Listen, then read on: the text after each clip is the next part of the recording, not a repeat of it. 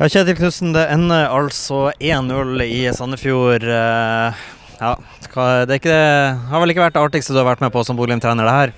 Nei, eh, jeg føler jo at uh, i dag Så på en måte så føler jeg at spillerne prøver, men det, det virket litt tungt og seigt i dag. Vi må gjøre en del rokeringer som gjør at relasjonene våre rett og slett ikke er der de skal være. Vi er for dårlige å utfordre bakfra. Vi er for lite gjennombruddshissig.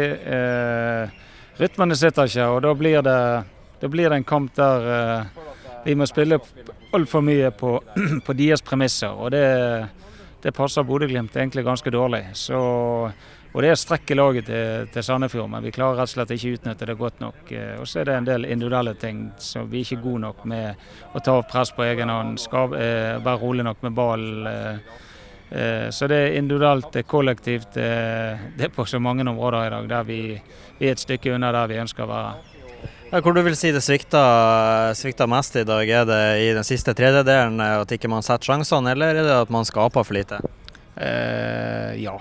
Eh, vårt spill eh, setter seg veldig ofte bakfra. Eh, og det er et eller annet med avstanden vår. Det, det, det, det, er ikke, det er ikke ett svar, det er mange svar.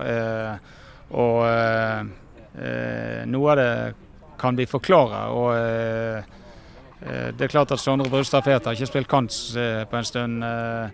Og så kan du spørre ja, skulle du valgt andre. Det, det er vanskelig å ta ut rette dag òg. Jeg syns Aksel svarer bra når han kommer inn. Jeg syns Sebastian har et positivt innhopp. Det Han er nær å skåre?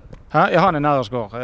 Eh, Så eh, i hvert fall det er noen som kommer inn som jeg føler eh, ønsker å vise at de vil være med på det. Det er kjempepositivt. Men det er bare det, er, det, går på energi, det går på tempo, det går på relasjoner. alle de tingene som folk eh, beskriver Bodø-Glimt med. Det, det, vi mangler litt uh, på det meste i dag, syns jeg. Jeg skal ikke spørre om du kunne ta det uten andre lag, men det jeg vil spørre litt om er Bodø-Glimt har jo i lengre tid vært kjent for å ha et uh, lite gresspøkelse. Her er jo et av få baner i Norge som er naturgress. Uh, kan, det være noe å skylde på i dag? Nei, vi visste jo at vi skulle spille på gress. Men sammen med relasjonene og litt folk i nye roller, så tror jeg vi skal si at det var ikke en fordel for oss i dag det er, det er ikke bare å gå ut på en gressbane og eh, få rytmene til å sitte på samme måte. Så det gir oss en litt større utfordring i dag. Men uh, det Jeg skal ikke stå her uh, som en del andre trenere gjør og, og kommentere og skylde på, på underlaget. Det, det syns jeg blir syltynt.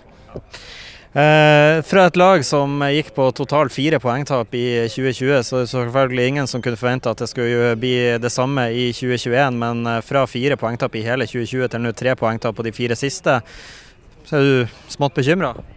Ja, jeg er jo eh, jeg, ikke, jeg, går ikke rundt og er bekymret. Jeg, jeg lever inn i hver kamp i, i, forhold til at vi skal håndtere den kampen på best mulig måte. og med fasit i hånden så klarer ikke vi det i dag. Eh, det som ligger bak oss, det, kan jeg ikke bruke så mye tid på. De kampene er spilt, eh, og så må vi Akkurat nå har vi ikke fått bruke mye tid på feltet heller, for det kampene har kommet så tett at det er egentlig restitusjon og litt aktivisering imellom.